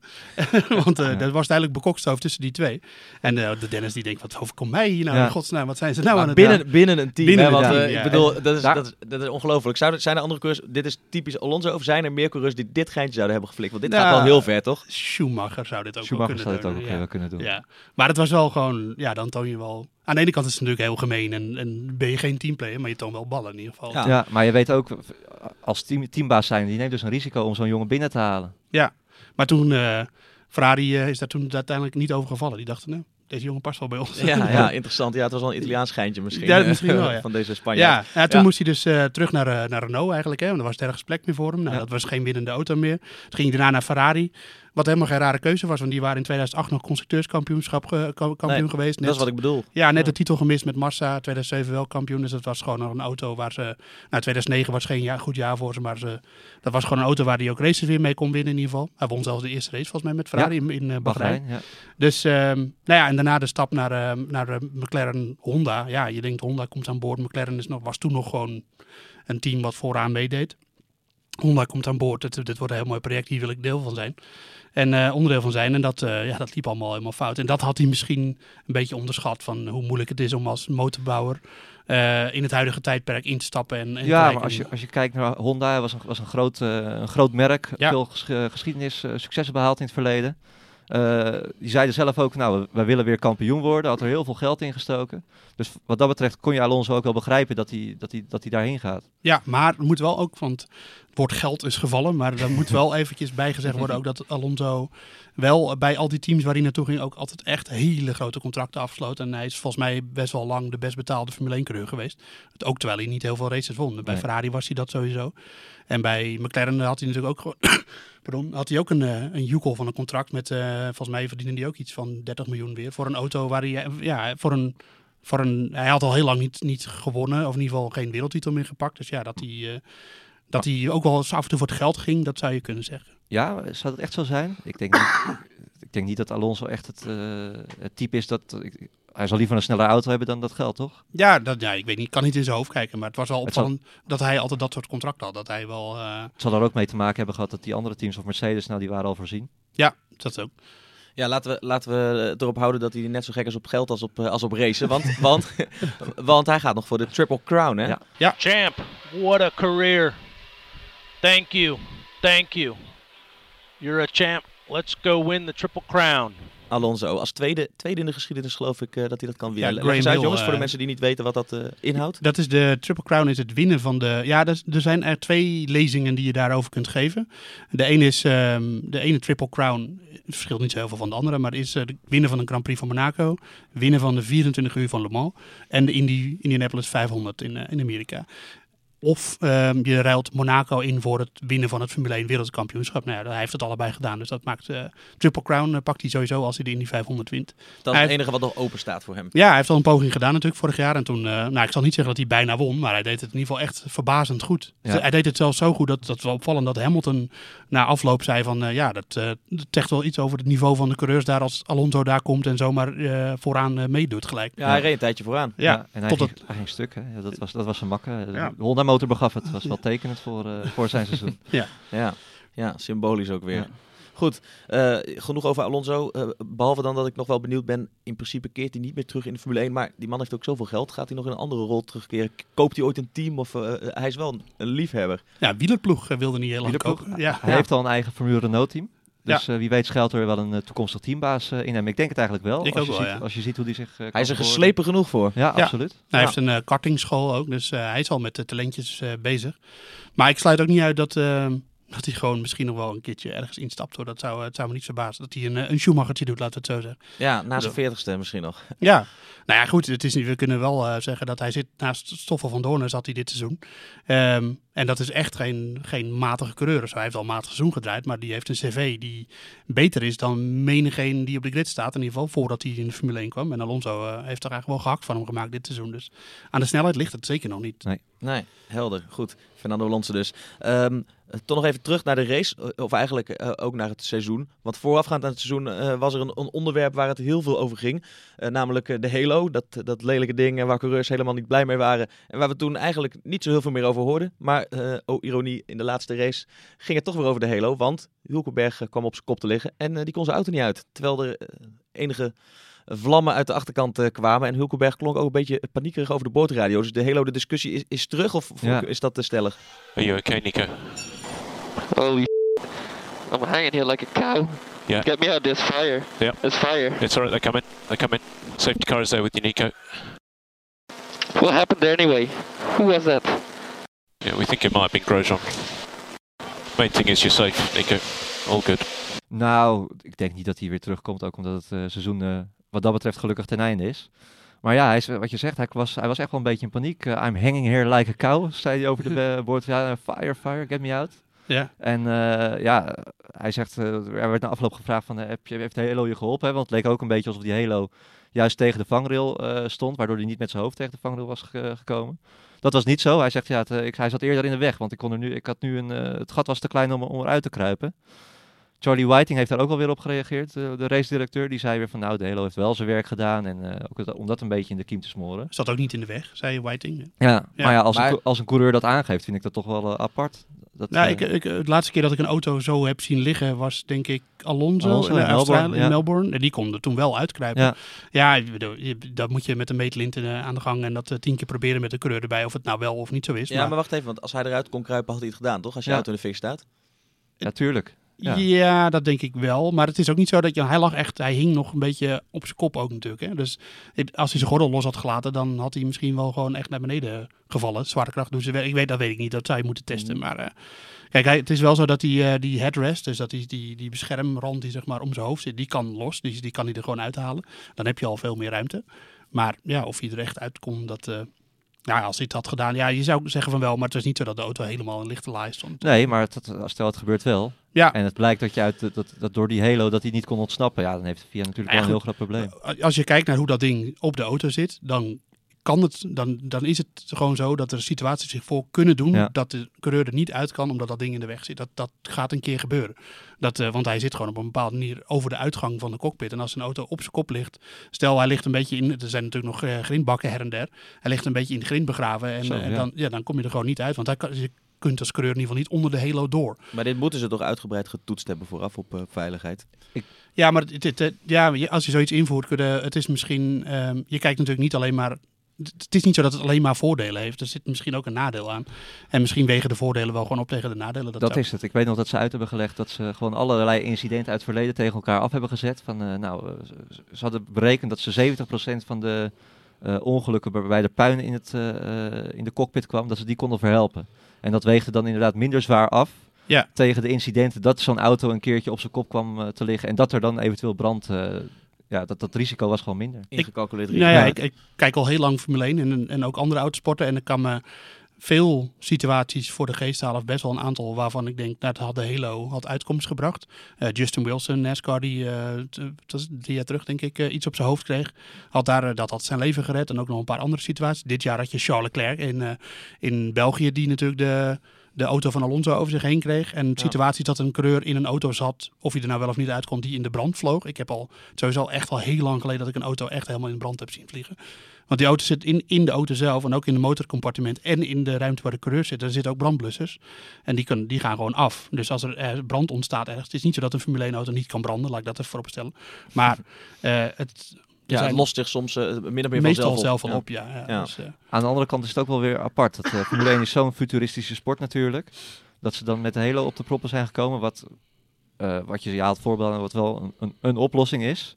Maar het is eigenlijk niet des Formule 1 om dan een, een, een, een, een halfbakken oplossing te verzinnen. Waarbij je toch een bepaald risico blijft, uh, blijft Je zou zeggen, de coureur heeft een knopje, daar drukt hij op en dan gaat hij heel Precies. omhoog of dan splijt hij uh, opzij. Ja, met, met, met explosieve iets of zo. Dat zou wel tof zijn. dat hij gewoon, nee, maar je, moet, je, je, denkt toch, je, je, moet toch wat kunnen verzinnen om dat, om dat, om dat op te lossen? Dat ja, daar zijn, ze, daar zijn ze gerust ook wel mee bezig, denk ik. Maar je zou kunnen denken aan een systeem dat hij met scharnieren zit aan de achterkant en dat je hem aan de voorkant zo naar voren weg kan schuiven, zeg maar. Dat zou kunnen. Daar zijn ze gerust ook wel mee bezig. En volgens mij Jean Todt was gisteren interview bij Ziggo. Die zei ook van, dit is de eerste versie. We zijn, we zijn gewoon nog mee bezig. Dus, uh... Goed, de VIA heeft nu een aantal maanden richting het nieuwe seizoen om daar uh, misschien een oplossing voor, te, voor te verzinnen. We gaan naar de lezersvragen, want we kregen weer een paar lezersvragen binnen aanleiding van deze race, doordat wij daartoe hadden opgeroepen. Ehm, ja, ook wel een interessant onderwerp om te behandelen, denk ik. We hebben het er nog niet over gehad, maar um, um, even kijken. Bert van Klaveren die vraagt hoe moet het verder met de voormalige grootmachten McLaren en Williams, want die hebben een dramatisch jaar gehad. Ooit streden ze om de titel, maar uh, het lijkt nergens meer op. We hadden het uh, inderdaad over Alonso natuurlijk al, uh, dat, dat zei veel. Maar hoe verder, jongens? Ja, het, ik zei natuurlijk net dat de oude teambaas van McLaren, Ron Dennis, zei van als je een, een auto sneller wil maken, moet je er een snelle coureur in zetten. Maar dat, McLaren haalt die coureur juist uit de auto. en Carlos Sainz reed trouwens gisteren een hele goede race. Dus daar hebben ze gewoon een goede set mee gedaan, denk ik. Als je kijkt naar zijn, zijn resultaten bij Renault Oké, hij verloor wel van Hulkenberg natuurlijk eigenlijk in, eh, in punten. En in, uh, maar hij heeft het niet slecht gedaan. Uh, en Lando Norris komt erbij, de Formule 2-coureur die dit jaar uh, op het nippertje nog tweede werd in het kampioenschap. Groot talent, maar of dat de coureurs zijn die McLaren echt verder gaan helpen, dat vraag ik me een beetje af. En ik, vraag heb je over Lando Norris toch heel erg lovend horen spreken dit Ja, maar ik vond dit seizoen in de Formule 2 toch een beetje overvleugeld door George Russell eigenlijk wel. die, die ook in zijn eerste seizoen daarin zat. En ja, die is gewoon kampioen geworden. En uh, Norris uh, was zelf ook niet tevreden over dit seizoen. Dus dat, uh, dat is wel een beetje tekenend. En misschien kan hij beter worden. En het is ook niet altijd zo dat een coureur die het in Formule 2 heel goed doet, of in de juniorklasse, dat hij dan ook automatisch ook in de Formule 1 het heel goed doet. Kijk maar naar Stoffel van Doorn. Ja. En je hebt ook voorbeelden van coureurs die het in de juniorklasse minder deden, maar in de Formule 1 wel goed. Kobayashi was daar een goed voorbeeld van. Um, ja, dus ik vraag me een beetje af. Ze gaan er op coureurs niet op vooruit, denk ik. Als je gewoon kijkt naar de statuur van de namen. En uh, ik vraag me ook een beetje af hoe de focus is bij McLaren momenteel. Want ja, ze zijn bezig met IndyCar, met allerlei andere raceprojecten. En het is niet zozeer dat. Ja, ik vraag me gewoon af. Ze hebben trouwens maar goed, dit jaar hebben ze natuurlijk dramatische reclame voor het merk gemaakt. Dat zullen ze toch volgend jaar niet nog een keer willen. Nee, en het is belangrijk. Ja, McLaren is tegenwoordig ook gewoon autofabrikant. En Daarom. ja, het is een beetje, ze zijn een beetje te veel ballen in de lucht aan het houden, heb ik als het idee. Maar dat, ik denk dat ze vooral aan het uitzingen zijn tot 2021. Eh, Dan staan er veel regelwijzigingen op het, uh, op het spel. Dat ze zoiets hebben van, nou, we gaan nu, we zingen die, die jaren nog maar even uit. Dat is nog best ver weg. Zeker, ja zeker. En, maar het is, het is gewoon heel lastig, dat heb je nu ook gezien, om als uh, achterblijven weer, achterblijvend team weer terug te komen. En dat, ga, ja, dat gaan ze gewoon niet, zo, niet zomaar weer goed maken. Ik vind het wel goed dat ze dan inderdaad een Norris binnenhalen. Gewoon een, eh, een jong talent. Dit jaar tweede geworden, maar volgens mij sinds 2013 in alle klasses waarin hij meedeed gewoon uh, altijd kampioen geworden. Eh, ja. ze, ja, ze kiezen gewoon echt voor talent. En als je die nou nu een beetje gaat slijpen voor als je in 2021 wel weer een goede auto hebt waarmee je eventueel mee kan strijden om de prijzen ja, dan, uh, ik vind dat helemaal geen gekke zet. Het zou wel heel pijnlijk zijn voor Alonso trouwens als uh, McLaren komend jaar ineens ja. uh, bovenin mee gaat doen. Ja, dat... Kleine kans, maar toch. Ja, ja, dat, ja het, zit natuurlijk ook nog met, een, met niet de beste motor van het veld. Dat, Williams heeft ook nog de Mercedes motor. Ja, dus, ja wat laat het over Williams nog even hebben. Hoe hebben jullie dit jaar naar Williams gekeken? Ja, ontluisterend eigenlijk Pijnlijk, wel. Hè? Ja. Wel treurig ook, want Williams qua historie een van de mooiste teams op de grid. Uh, Frank Williams, die daar nog steeds uh, uh, ja, achter de schermen mee bezig is. een privateer team, hè? Ja, en eigenlijk zijn ze, ze zijn al een keertje opgestaan. Nou, niet uit de dood hoor, dat niet. Maar ze hadden... Frank Williams wel, ja, Frank, Frank Williams wel, ja. Maar 2000 voor 2014 ging het eigenlijk met Williams helemaal niet zo heel goed. En uh, hadden ze ook niet zo'n hele goede auto. 2012 wonnen ze dan in detail nog een keer een race met uh, Maldonado. Maar uh, 2014 waren ze een en weer van de partij. Ook dankzij de Mercedes motor die ze toen slim binnen hadden gehaald. Um, en Bottas reed daar natuurlijk toen. Massa hadden toen nog wel een sterk team. Hadden een goede hoofdsponsor. Um, Alleen, ja, na verloop van tijd werd het steeds iets minder en minder en minder. En nu rijden ze neder weer. Volgens mij waren ze in 2014 tweede team. Gewoon. En nu zijn ze, waren ze in ieder geval de tweede auto van het veld. En nu zijn ze de langzaamste auto van het veld. Ja, pijnlijk. maar ja. wel ook een goede qua coureurs. Hè? Ze hebben nu wel een, eh, een nieuwe weg ingeslagen ook qua coureurs. Want ze hadden dan George Russell, die uh, ja. Formule 2 kampioen is geworden. Uh, Stroll gaat daar natuurlijk weg. Eh, Kubica is weer terug, wat ook een... eh, Kubica. een- Kubica, Kubica. Ja, ik heb jarenlang Kubica gezegd en eh, Joost heeft gelijk, het is officieel Kubica, maar daar moet ik nog even aan...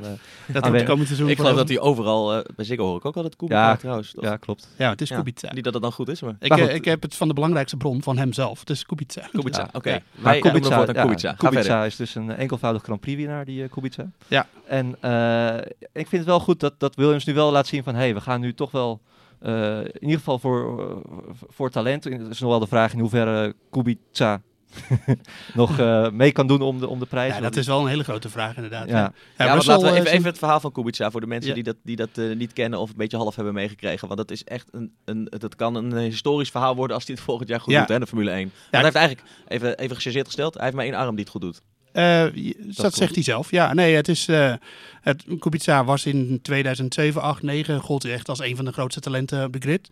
Eh, ging toen naar Renault. Heeft hij nog een heel goed seizoen gereden in 2010. En toen zou hij in de winter gewoon. had hij eigenlijk een contract bij Ferrari? zou hij eigenlijk Ja, dat gaan? jaar erop. Hij zou, Ja, precies, ja. Het, in ieder geval, hij, was, hij zat bovenop de golf, we het zo Ja. zeggen. Hij, hij, zat er, hij stond er heel goed voor in de Formule 1. En toen, alleen ja, hij heeft een hobby, rallyrijden. En dat was hij dus aan het doen in de winter. En toen crashte hij eh, tegen een vangrail aan die zich, die zich echt door de auto heen boorde. En daar eh, raakte zijn rechterhand en zijn rechteronderarm heel erg bij beschadigd. En dat kun je ook nog zien. Moest, Ehm, moest eigenlijk vrezen voor amputatie ja. van die arm zelf. Ze hebben hem net aan kunnen redden, die arm. Ja, er is niet veel van over, als je het ziet ook, hè? Nee. Nee. Heel, heel dun eh, Het eigenlijk strookje. Ja, het, li- het lijkt op een op, ja, bot met een beetje vel eromheen. Het ziet er niet echt heel prettig uit om naar te kijken. Nee. En ook als je ziet, hij heeft al een paar eh, vrijdagtrainingen gereden. Eh, hij doet alles met, eh, met zijn andere arm, knopjes verzetten. En eh, ja, je, ziet die hand er als een beetje op liggen. Tja.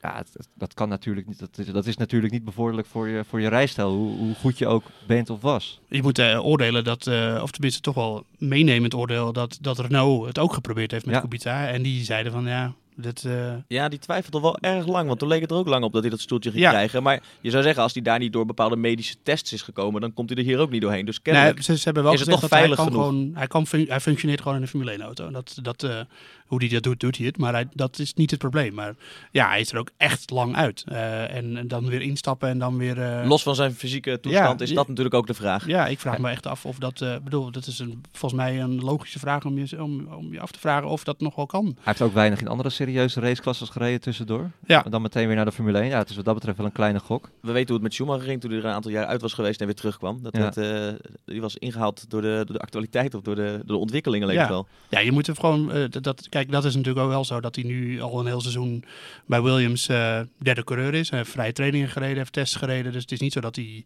heel lang letterlijk niet gereden heeft. Maar ja, ja, in competitieverband is dan toch nog weer wat anders. En hij schijnt ook heel erg goed te zijn in de ontwikkeling van de auto. Hè? Qua Ja. feedback en eh, doorontwikkeling. Dus dat, eh, hij heeft natuurlijk wel ervaring wat dat, eh, Ja. wat dat betreft. Dat kunnen ze wel gebruiken bij Williams. Ja, dat heeft eh, George Russell natuurlijk nog helemaal niet te bieden. En die Nee. heeft helemaal nog geen referentiekader. Ze hebben hem ook voor de mix genomen waarschijnlijk. Ja. Ja, ik denk dat ze misschien... Ze hebben nu dit seizoen natuurlijk met Stroll en Sirotkin ook twee onervaren coureurs gehad. En ja, dat, als je dan een auto hebt die je al niet wil... en je hebt ook nog twee onervaren coureurs die, die die auto niet echt verder kunnen brengen. Ik bedoel, ik ben daar niet bij geweest, maar ik stel me zo voor dat het, dat, dat ook wel een deel van het probleem is. Ja. Ja, dan eh, ben je misschien wel overgeleverd aan een eh, ervaren man. En daarvan zijn er niet zo heel veel op de markt. En dan kom je misschien bij Kubica uit. Die dan ook blijkt, want Nico Rosberg is zijn manager trouwens hè, van, eh van Kubica. Daar ook blijkt dat hij nog wel, wel wat sponsorcentjes meeneemt. Ja. Wat ook belangrijk is voor Williams, want die raken de titelsponsor kwijt, Martini. Ja, het is, het, het is eh, het optelsom zullen ze waarschijnlijk gemaakt hebben. En dan kom je toch uit bij dat dit een goede keuze was. Maar hoe het in de praktijk uit gaat pakken, ja, we zullen zien. Het wordt wel heel ook leuk knap gedaan dus Ja. van Rosberg, dat hij hem dus eh, toch weer de Formule 1 in heeft gekregen. Want daar leek het, eh, na, nadat het bij Renault niet gebeurde, leek het niet meer op. Ja, het, het is, het is wel mooi dat het verhaal nu al rond is. Hè? Want eh, ja, we, we- we verwachten er eigenlijk weinig van door, door die handicap. Maar ja, laat het er maar zien. Ja. En hij krijgt nu een kans om, het, om zich toch nog te, te bewijzen hè, tegen een Formule 2 kampioen. Iedereen verwacht dat Russell eh, gehakt van hem gaat, eh, gaat maken eigenlijk. Dus hij heeft niks te verliezen. Nee, nou, nog een eh, interessant aspect om uit te kijken naar het, eh, naar het nieuwe Formule 1 seizoen. Een van de eh, vele, ja. ja. Een van de vele, zeker, nu al. Ehm, we hebben nog een kijkersvraag. Harry van Veen uit het eh pittoreske Genemuiden. Die vraagt, eh, er is elk jaar weer kritiek op het saaie circuit in Abu Dhabi. Hij vond deze race ook tegenvallen, geloof ik, eh, Harry van Veen. Eh, maar hij zegt, waarom passen ze dat dan niet aan? Of leggen ze niet gewoon een heel nieuw circuit aan in Abu Dhabi? Want geld is er toch eh, in overvloed daar. Ja, dat is, een, eh, dat is een punt, toch? Het is zeker een punt, eh, maar dat is een soort van mechanisme in Formule 1. Eh, ehm, de kritiek op een circuit is er altijd in de week nadat de race daar gereden is. En daarna hoor je er niets meer van. En dat was dit jaar Melbourne, is het absoluut het beste voorbeeld. Want daar was na afloop veel kritiek over. Je kan daar niet inhalen. Je kan er inderdaad ook niet inhalen. Tenminste, niet goed. En toen is er veel gesproken over, ja, we moeten misschien de eerste bocht aanpassen en dat soort dingen. En Ja, twee weken later hebben we een leuke race in Bahrein en dan hoor je niemand meer hoor je niemand er meer over. Ja, oké, maar dat vind ik iets te makkelijk. Want ehm, als dat vaak zo gebeurt, dan eh, herkennen de, de FIA en de Formule 1-eigenaren dit mechanisme toch ook. En die gaan dan ondertussen wel kijken van, hé, maar wij willen stappen zetten. Dus we gaan wel kijken of er aan die circuits iets moet gebeuren. Nou ja, je ziet af en toe wel dat een, eh, dat een DRS-zone wat langer wordt gemaakt. Of komt er een bij, dat kan ook nog. Dus het is gerust wel dat ze daar een beetje rekening mee houden. En ze zullen ook gerust wel kijken naar hoe ze dat in Australië kunnen doen. Maar, het is, maar nogmaals, het eh, is zo'n wel- rijke sheik eh, die zegt ook niet van, eh, weet je wat... eh, Die geeft daar helemaal niks om. Nee. Die, die kijkt gewoon naar hoe, het, hoe de sfeer is rondom het circuit, de plaatjes. En eh, kijk, het, als ze het circuit wil aanpassen, dat zal van het circuit zelf eh, moeten komen. Dat- het- tenzij het, de veiligheid in het geding komt, dan kan de FIA nog wel zeggen van we gaan het zus of zo eh, doen. Maar nee, die, die hebben gewoon een contract voor de komende jaren. En zij hebben er helemaal geen behoefte aan om, om dat circuit eh, te veranderen. Ik denk Nee. ook als je gaat kijken naar hoe het circuit nou eigenlijk is, dan zou dat, als hij een ideaal... Want zo heb dat het hele, het hele project daar kostte een miljard, eh, begreep ik. Ehm, dus al ga je kijken naar, de, nou, we tekenen gewoon een circuit zoals we dat willen. Nou, achter, later hebben ze dat in, in Amerika beter gedaan, maar ze hebben toen gedacht van ja, we willen veel uitrempunten. Nou, die zijn er. We willen lange rechtstukken, dan kunnen mensen elkaar inhalen. We willen ook eh bochtengedeeltes, sneller doordraaien. Het zit er allemaal in. Het is eigenlijk, het is op papier is het helemaal geen slecht circuit. En eigenlijk, de races zijn niet per definitie slecht of een optocht. Maar het zijn ook vooral die uitloopstroken. Hè? Die Ja, dat maakt het ook. Je, mag, je kan daar fouten maken. Het is niet zo dat als je even, buiten de lijntjes krabbelt, dat je dan in, de grind, in het grind staat. Want die, Nee. die grindbakken die zijn er gewoon niet. Nee, Dus het is, ja. eh, dat is ook een, een, een- nadeel, zou je kunnen zeggen, van moderne circuits. Dat de, de foutmarge is natuurlijk gewoon gigantisch. Want coureurs die kunnen dan heel makkelijk even eh, buiten de baan. Nou deed Alonso dat, eh, Ja. dat iets te optimistisch, de laatste paar rondjes van zijn Formule 1 loopbaan. Hij sneed drie keer sneed hij de, de bocht af hè, in de laatste drie ronden. Voor een, Hij ja, kreeg, wie, wie maakt me wat? ja, die, hij kreeg nog een penalty van vijf seconden. Nou, hij haalde zijn schouder. Hij deed erom, denk ik. Maar in ieder geval, ja, dat, is natuurlijk, dat kan daar wel allemaal. En dat kan op Spa tegenwoordig ook wel wat beter. Maar er zijn circuits waar je gewoon dan meteen in het gras zit. Of, in, of nog erger in de grindbak. Dus ja, ja, ik denk niet dat ze bij- zich in Abu Dhabi genoodzaakt voelen om dat circuit aan te gaan passen. Nee. Nee, dat moet gezegd. Ik verwachtte voorafgaand aan deze laatste Grand Prix er niet zo heel veel van. Juist omdat iedereen elke keer roept dat het hartstikke saai is daar. Maar zo saai vond ik het niet. Het was best een leuke race. Maar ja, dat, eh, dat eh, heeft dan ook te maken met een crash in de... bedoel, daar kunnen we omheen draaien. Tuurlijk, maar, ook draagt een dat bij spektakel. Natuurlijk, maar ook een paar inhaalacties van Verstappen en Zeker. de belletjes. Maar Ja. die heeft ook een slechte start, hè? anders Ja. dan rijdt hij ook gewoon... eh, Ja, je kan niet zeggen dat je het er niet kan inhalen in ieder geval. Dat, eh, Nee, zeker niet. Wel dankzij DRS ook. Maar dat was eh, wel eh, opvallend. In eh, zondagochtend was de Formule 2 race. En daar deed de DRS het een tijdje niet. En toen werd er inderdaad Er ook, niks aan, werd, er, werd er ook helemaal niet ingehaald. Nee. Dus het, Abu Dhabi kan niet zonder DRS. Dat is een ding dat zeker is. Dat was duidelijk. En Abu Dhabi gaat niks aan het circuit veranderen. Dat weten we nu ook. Ja, Ehm, voorlopig niet. Voorlopig niet. Oké. De Honda motor moeten we het natuurlijk over ook eh, hebben. Vast onderdeel in deze, in deze show. Eh, want volgend seizoen Verstappen en Red Bull met de Honda motor waar alles ongeveer van, eh, van afhangt. En dat zag er de laatste weken hebben we het hier een aantal keer behandeld best wel positief uit. Maar dit weekend bij Toro Rosso dat met de Honda motor rijdt ging het alles behalve vlekkeloos. Ja, dat kan je wel stellen, want Gasly die heeft op vrijdag, zaterdag en zondag motorproblemen gehad. En het is, misschien is dat ook wel helemaal niet, helemaal niet zo slecht, dat het, nog even om de boel op scherp te zetten. Eh, bij Honda zeiden ze ook meteen na afloop van ja eh, jongens, eh, we zijn op de goede weg, maar we moeten echt nog wel een hele hoop werk verzetten. Zowel qua snelheid en zeker ook qua betrouwbaarheid om volgend jaar met de koplopers mee te kunnen doen. Klinkt wel een stukje minder positief dan wat Red Bull de laatste weken eigenlijk liet Nou ja, dat, dat vond ik ook wel opvallend. Want bij Red Bull zitten ze natuurlijk heel erg te roepen van nou, we gaan een halve seconde winnen hè, met, met, als deze motor in, in die auto van ons zal liggen. En dat ziet er allemaal hartstikke goed uit. Dat Maar- is misschien ook wel zo. Maar blijft hij het doen? Dat is de vraag. Ja, de betrouwbaarheid. Daar zat het hem ook dit weekend dus En- wel weer echt in. Ja, en ik denk ook dat ze bij Honda wel geleerd hebben ook van die tijd met van McLaren. Want toen kwamen ze wel behoorlijk, eh, nou ja, hoe kan je dat zeggen, eh, enthousiast de Formule 1 in. Van we gaan het eh, Ferrari en Mercedes even lastig maken. Nou, dat pakte helemaal verkeerd uit. En ik denk niet dat ze nu nog zo'n fout willen maken door nu al te gaan roepen dat ze bij eh, Red Bull even kampioens willen worden. En ik denk ook, ja, we gaan eh, we gaan volgend jaar wel zien dat, dat, dat die Honda motor een aantal keer stuk gaat, denk ja, ik. da- daar houdt Verstappen zelf ook rekening mee. Ja. Maar die zegt dan, ja, ik heb liever een, eh, een motor waar die het af en toe niet doet, maar die, als hij het wel doet, snel is, dan dat ik een motor heb die het hele seizoen blijft werken, maar waar ik sowieso niet snel genoeg mee ben. Ja, En dan doet ja, je ieder geval weet de zegens mee, want da- daar is het om om te doen. Ja, maar je weet ook niet wat de Honda aan het, eh, aan het doen was natuurlijk. Hè. Misschien hebben ze het toerental eh, of de turbodruk of ik noem maar wat.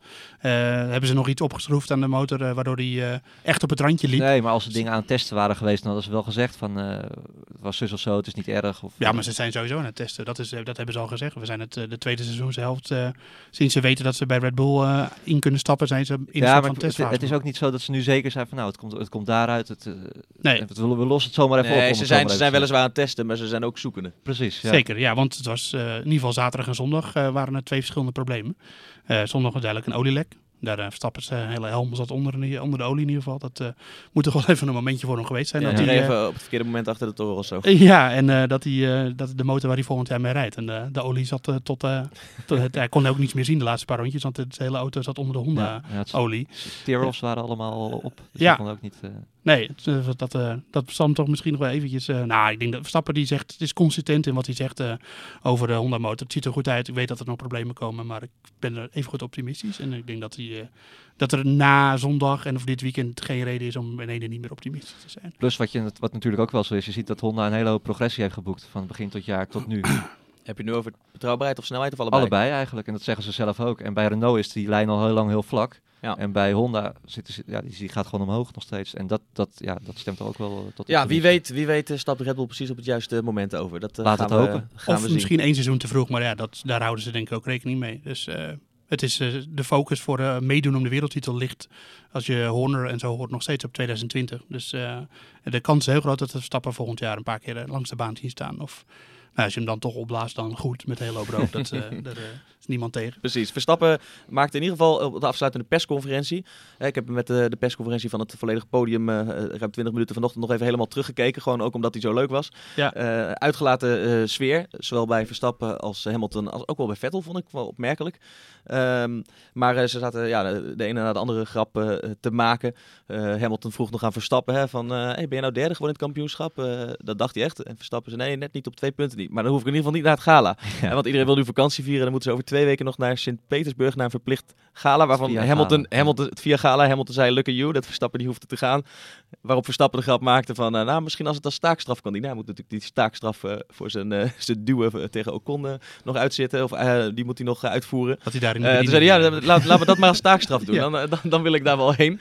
Dus nou ja, hij had, hij had de lachers op zijn hand verstappen. Maar dat zei ook wel over, natuurlijk. Einde seizoen, de druk is eraf. Maar ehm, eh, als Verstappen hier in de klote race had gereden en het was allemaal misgegaan, had hij er anders bij gezeten. Dus Ja. je ziet dat hij ook wel eh, vertrouwen, vertrouwen uitstraalde richting volgend seizoen. Ja, wat je, ook wel, je zag ook wel, ze, hadden het, ja, de, de grote drie waren het eigenlijk. Hè? De, de grote drie van dit Formule 1 seizoen, Verstappen, Vettel eh, en Hamilton. En eh, je merkte aan die klik onderling dat zij dat ook wel zo een beetje zagen. Het is echt een soort eh, ja, drie-eenheid aan het worden. Ze hebben allemaal heel veel respect voor elkaar. Ja, Eh, ja zij genoeg dat Hamilton ook echt dacht dat Verstappen derde was geworden. Want die hoorde voor Precies, hem ook ja. gewoon gevoelsmatig hoorde die ook op het podium dit jaar. Ja, en eh, Hamilton die zat ook eh, allerlei eh, foto's te maken, die dan, video's die hij weer op Instagram zette. En toen zei hij ook, een van die filmpjes was dan van, ja jongens, ready for next year, hè? you will be stronger. En nou, een handje geven zo van, nou we hebben er alweer zin in met z'n drieën hè? en ik ga Ja. je niet zomaar verslaan. Nee. Dus Wat ook wel weer grappig was dan, hè? ja precies, dat, ik denk dat dat inderdaad wel, eh, wel tekenend is voor, eh, voor hoe ze naar elkaar kijken en gekeken hebben dit seizoen. Ik vond het ook wel mooi om het verschil tussen Hamilton en Vettel weer een keer eh, eh, terug te zien, ook op die afsluitende persconferentie. Want ze hadden lol samen, ze hadden, ze hadden een klik, ze zaten grapjes te maken. Ehm, en eh, vervolgens werd er gevraagd van wat gaan jullie eigenlijk doen de komende weken in vakantie? Nou, Hamilton liet een beetje in het midden van, ja, die ging wel met vrienden, familie en een beetje rondreizen. Eh, en die, die was nog aan het uitleggen waarom die eh, eh, zijn andere voorbereiding op deze race had. Want die was tot 10 minuten voor de race gewoon lol aan het maken en videootjes aan het opnemen met Will Smith. En vervolgens rijdt iedereen weer naar huis. Ja. Weet je, dat, eh, typerend voor, voor Hamilton, hè, hoe, hoe die erin staat. En Vettel werd gevraagd van wat ga je deze vakantie doen? En die kwam eigenlijk niet verder dan, nou, ik ga lekker met mijn gezin thuis zitten. Hè. Twee kinderen heeft hij, geloof ik. En Hamilton maakte nog de grap van, misschien een derde kind maken deze zomer. en eh, en, en, en Vettel zei vervolgens, ja, wat ga je eigenlijk doen? Nou ja, ik ga denk ik lekker een beetje sleutelen thuis, klusjes doen. Ja, wat voor klusjes dan? Nou, ik heb nog een fiets, mijn eerste fiets. Eh, en die heb ik vanaf mijn vijftiende zo'n beetje al, deze fiets. En het is alleen nog een frame en die ben ik langzaam aan het opknappen. Stap voor stap maak ik daar wat moois van. Ik denk, ja, dat, ik zie dat ook zo voor me, dat hij Ja. daar ergens in zijn, in zijn schuurtje daar, in zijn eentje, een beetje zit te sleutelen de, de hele zomer. En wat een enorm verschil met Hamilton, die Ja. van, het, van eh, het jetset leven leidt en van feestje naar feestje gaat. eh. Vettel die houdt van grasmaaien. En hij heeft ook een collectie hè, met allemaal van die klassieke motoren. Waar hij, eh, waar hij ook aan sleutelt en zo. Hij is, Vettel is echt, dat is eh, wel grappig om te zien. Gewoon, in tegenstelling tot Hamilton, iemand die uit het normale leven is gegrepen. In een wereldster is geworden. Maar buiten de camera's is hij gewoon, ja, dat is gewoon een hele normale gast Ja, eigenlijk. en Eh, Hamilton is eigenlijk van nature al een soort wereldster. Ja, maar die komt ook uit een, eh, echt niet de, de bovenklasse of zo. Maar die, die Nee. pakt gewoon, die haalt alles eruit wat erin zit. En Vettel, die, die houdt de, haalt de schouders daar een beetje voor op. En die vindt het leuker om thuis aan zijn klassieke Honda of Kawasaki of BMW te sleutelen. Ja. En dat, ja, dat is toch een verschil tussen die jongens. Maar dat, op de baan zie je dat verder niet terug. Volgens, Volgens mij hebben ze ook heel goed in de gaten dat ze elkaar ook wel nodig hebben hè, in die zin. Zij snappen heel goed dat het goed is voor de sport als, eh, als dit soort drie jongens er met kop en schouders bovenuit steken. De- de- Verder niet veel voor elkaar onderdoen. Ja, maar we moeten ook Rijkonen natuurlijk nog even roepen. De, noemen. Die heeft eh, gewoon e- echt een goed seizoen gereden. Die wel derde werd. Die wel derde werd. Beste dus die- Ferrari seizoen sinds de comeback hè? Ja, Naar, eh. Ja, op zijn 39 is hij nog, hè? Ja, en die eh, het plakt er nog twee jaar aan vast. Maar die moet wel dus naar het, eh het eh, VIA-gala in Sint-Petersburg. Terwijl, als ik één persoon weet die er het minste zin in heeft, dan is het Rijkonen. Hij zal wel een paar wodkaartjes bestellen. Ja, denk ik, hij kan wel. Hij zat gisteren al aan, aan bieren Ja. in de paddock. Maar eh, die heeft daar natuurlijk helemaal geen zin Waarom in. is dat? Want het moet het toch eventjes helder krijgen dan. Waarom? oh, ze hebben nu eindelijk vakantie, ze willen weg, ze willen even uit die Formule 1. En dan moeten ze over twee weken in Sint-Petersburg opdagen voor een via Ja, gala. vroeger waarom? was het altijd in, In Parijs. Parijs, eh, ja. ja. dat is nu... eh, Maar Ja, waarom ja. is dat niet een paar dagen na de Grand Prix dat je daar vakantie kan gaan vieren? Je bent eigenlijk al in je vakantiemodus en dan twee weken later moet je weer komen op te gaan. ja, of doe het gewoon de dag na de race. Ja, eh, maar ze, ze geven niet alle, of althans, het is niet alleen de Formule 1. Het zijn gewoon alle, Ja, dat alle, ja. raceklassen. Ja, alle raceklasses die gesteund worden door de FIA, die worden daar met wel als hoogtepunt de Formule 1 natuurlijk. Ja. Maar ja, dat is inderdaad begin december. De coureurs hebben al niet zo lang de tijd om ja, leuk, dingen voor, je- voor zichzelf te doen. De, meesten die willen gewoon nu op vakantie gaan. Al staat er nog wel een in-season of eh, een test, eh, tweedaagse test op het eh, programma. Maar die worden, wordt eigenlijk afgewerkt door de testcoureurs. Al gaat Kimi wel voor Sauber testen trouwens eh, deze week al. ja, die is al eh, vrijgegeven, ja. Ja, want laten we even naar dat tijdpad kijken voor de komende maanden. Want het wordt weer hele saaie maanden natuurlijk. Zwart gat gaan we in eh, vallen met z'n allen. Geen Formule 1, maar ondertussen gebeurt er achter de schermen natuurlijk, eh, natuurlijk eh, genoeg. Eh, wat precies? Nou, ze zijn al heel lang bezig met de auto's voor het volgende seizoen. Ehm, je hebt eh, volgens mij bij de topteams zeker heb je gewoon verschillende teams hè, die daaraan werken. Eén team werkt aan de auto van dit seizoen, eh, de ontwikkeling daarvan. En één team eh, werkt gewoon aan de auto van volgend seizoen. En de, de technische basis daarvan die zijn natuurlijk overlappend. Dus bij Adrian Newey bij Red Bull bemoeit zich nog met de auto van dit seizoen, maar ook, nou nu niet meer. Maar, en ook met die van 2019. En bij Ferrari zal dat ook zo zijn. En bij Mercedes evenzeer.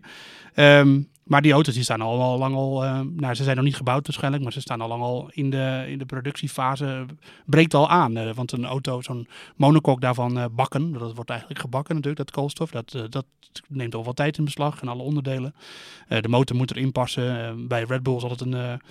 zal het misschien nog een iets drukkere winter worden, omdat ze natuurlijk de Honda-motor nu in moeten passen in het eh, chassis en niet meer eh, de Gaat het de hele winter door of eh, is het ook daar eventjes ehm, een aantal weken niks nu? Nee, het licht gaat niet uit hoor, in de fabrieken daar. Nee, dat... eh, Alleen Dus met zeker rond kerst toch? Twee weken? Ja, maar dan zijn ze misschien eventjes. eh, Ja. ja. Ik weet niet, is dat verplicht Nee, eigenlijk? dat is alleen in, in, eh, In de zomer, ja. Maar Ja. wil, dat wilden ze nu wel doen, omdat eh, de druk is zo Verplicht, hoog. verplicht bedoel je, want ik vraag me af of ze in Japan eh, Nee, ja, daar in- ook stil te houden. Die nijvere Japanners, die blijven toch doorwerken. Ja, Ja, het is in ieder geval in de, in de zomerstop is het verplicht om twee weken pauze te houden. Mag er echt niks, eh, in ieder geval op de fabriek hè, van Ja. de teams mag er niks Ja. gebeuren. Misschien dat ze achter de schermen nog wel dingen doen, vast wel. want, eh, Tuurlijk. ja. Ja, Ja, nee, eh, ja ze, ze willen, ze waren in ieder geval mee bezig om dat ook tijdens de kerstperiode te doen. Omdat het, ja, om, om, om die monteurs ook wat rust eh, te gunnen. Maar ja, die zei, ja, het, echt, het gaat klokje rond hè Joost, denk Ja. ik gewoon hoe ze daar aan het werk zijn. ja, zeker. eh, bij de topteams, eh, daar werken zoveel mensen, dat, eh, daar, staat, daar gaat het gewoon de hele tijd door. En zeker, de, ik denk dat eigenlijk de fase van ontwikkeling voor een nieuwe auto, voor, niet voor alle afdelingen van de, van de fabriek, maar dat is voor, voor een deel van de fabriek is het wel de, de drukste tijd van het jaar om die auto weer klaar te krijgen Ja, voor de wintertest. grappig, ja, juist nu het voor de coureurs en voor het publiek eigenlijk stil wordt, eh, gaat het daar eh, eigenlijk pas echt beginnen. Ja, want je moet ook de, de- de- veel van die teams en vooral de topteams, die maken eigenlijk bijna alles zelf. Zelf. En eh, elk schroefje, alles moet allemaal weer ontworpen worden en eh, berekend en eh, you name it. En dat, we, ze maken, we gaan maar eens naar hoeveel onderdelen er in zo'n Formule 1 auto zitten. De, de pedalen, de spiegels, alles moet doorgerekend worden. De, de stoel, de ophanging, dat bestaat uit zoveel onderdelen dat, waarvan ze heel veel zelf maken. Ze, ook veel Ja, wordt wel ze hoeven natuurlijk niet alles elke keer opnieuw uit te vinden, want ze, ze Nee, maar- bouwen toch verder ook soms aan de huidige auto. Ja, maar Formule 1 teams kennen, en zeker de topteams, dan ze zullen elk onderdeel onder de loep nemen en overal valt dat wel weer wat te verbeteren. Of lichter te maken, dat is ook iets waar Formule 1 teams altijd eh, naar op zoek zijn. Ja. Dus ehm, ja, en er zijn natuurlijk nieuwe regels eh, volgend jaar, dus dat is... eh, Ja, dat is een mooi bruggetje. Box, box, box, box. Wat zijn die nieuwe regels? Want er er verandert wel. Het zijn niet de grootste wijzigingen die je net al aankondigde in 2021. Maar wat gaan we nu zien? Nou, eh, we zien in ieder geval eh, een verandering aan de volvleugel. En dat het grootste concept waar, waar in ieder geval de, de, de Formule 1 en de FIA naartoe wil, is dat in ieder geval het inhalen te bevorderen. En daar zijn de meeste regelwijzigingen op te geënt.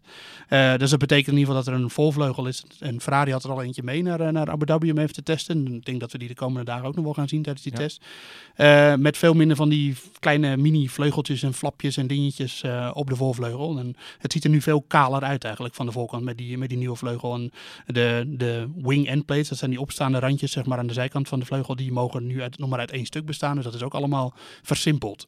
Waarom Eh, is dat? Ja, dat is alleen maar om te zorgen dat de luchtstroom achter de auto, dus waar, waar de auto die achter jou inri- eh, inrijdt in die lucht, dat die minder, eh, minder eh, verstoord is eigenlijk. En dat, dat je dus het, het effect daarvan moet zijn, dus dat je dichter achter elkaar kan rijden. Maar wat je nu ziet is dat de Formule 1 auto's die leveren zoveel downforce en eh, hebben zoveel vleugeltjes en dingetjes op de auto zitten die de luchtstroming allemaal verstoren. Waardoor degene die, er, degene die erachter rijdt, die komt in een heel ander soort lucht terecht qua beweging in de lucht. Want ja, je ziet het niet, maar het is er wel. Ehm, dan degene die, die vooraan rijdt. En daardoor kan die gewoon minder snel, makkelijk eh, achter iemand anders rijden. Ja, dat is, eh, dat is het grootste probleem met het inhalen dit seizoen. Eh, je verliest gewoon terrein in de bochten als je achter een andere auto rijdt. Ja, je dus kan, dit is bedacht om het spannender te ja, maken. Dat meer inhaalduels. Meer inhaalduels in ieder geval. En, en dat moet het in ieder geval bereiken. De barboards aan de zijkant gaan een stukje naar beneden. Nou, dat is eigenlijk dat is heel grappig om te zeggen. Dat is het niet omdat het, om, om hetzelfde effect te bewerkstelligen. Maar dat is omdat de sponsornaam op de zijkant van de auto dan beter zichtbaar is. Prima. Formule 1 heeft ook een commerciële kant natuurlijk. Oh, toch? Ja, ja, ja, schijnt zo te zijn. Eh, en aerodynamisch, het laatste aerodynamische deel is dat de DRS eh, groter wordt. En dat wil zeggen, het effect van de DRS wordt vergroot. Dus de, het, je ziet nu natuurlijk die vleugel openklappen als DRS eh, geactiveerd wordt. En dat gat wat je dan ziet, dat wordt iets groter. Waardoor, eh, waardoor je nog meer voordeel hebt van DRS. Dat is een... eh, Ja, oké. dus eigenlijk zijn, is alles wat je nu noemt erop gericht Ja. om te zorgen dat er meer duels zijn, meer spektakel. Dat er meer ingehaald kan worden. Ja. En nog een andere belangrijke eh, regelwijziging die, is, eh, te, eh, die vermeld moet worden, is dat het gewicht van de coureurs, en zoals Verstappen is natuurlijk een van de langere coureurs, en ook Ocon is natuurlijk zo'n jongen die daar last van heeft, ehm, dat die nu niet een nadeel zijn, omdat een auto bij elkaar, dus inclusief coureur, 734 kilo moet wegen. En ja, dus je ziet vooral dat de, de langere jongens, die zijn... eh, graadmager. Eh Alcon die heeft beentjes, nou dat is van die spillenbeentjes. En dat, en dat komt gewoon omdat die jongens moeten zo min mogelijk wegen. Omdat het komt allemaal op bij die 734 kilo. Hoe meer, hoe meer gewicht jij als coureur dan in de schaal legt, hoe minder eh, onderdelen en dingen er in de auto kunnen. Eh, dus nu komt er een soort van eh, basisgewicht, is 80 kilo. En alles wat je daaronder zit als coureur, dat moet gecompenseerd worden met gewicht. Wat dan in de stoel van de coureur komt te zitten. Dus elke coureur weegt dan, inclusief zijn stoel, met dat ballast, weegt dan 80 kilo. dat is ook wel gunstig voor Verstappen dan natuurlijk. ja, toch? die heeft dan minder nadeel van, Ja. zijn, van zijn lengte. Want Verstappen is, als hij bijvoorbeeld naast mij staat, ik ben 1,96, is het een klein mannetje. Maar voor onder de coureurs is het gewoon een van de langere. En eh, ja, dat is, eh, lengte is toch ook gewicht. Dus dat, eh, dat is wel een voordeel voor, voor de langere coureurs. En, Ja, dat maakt het dus denk wat het speelveld wat meer gelijk te trekken. ja, het maakt het wel eerlijker, ja. ja. Ja. Oké, nou dat gaan we volgend jaar in ieder geval zien aan veranderingen. Wat we nog meer nieuw gaan zien volgend jaar is een aantal coureurs. We hebben er een paar net al genoemd, zoals Kubica, Lando Norris. Er zijn er nog een paar.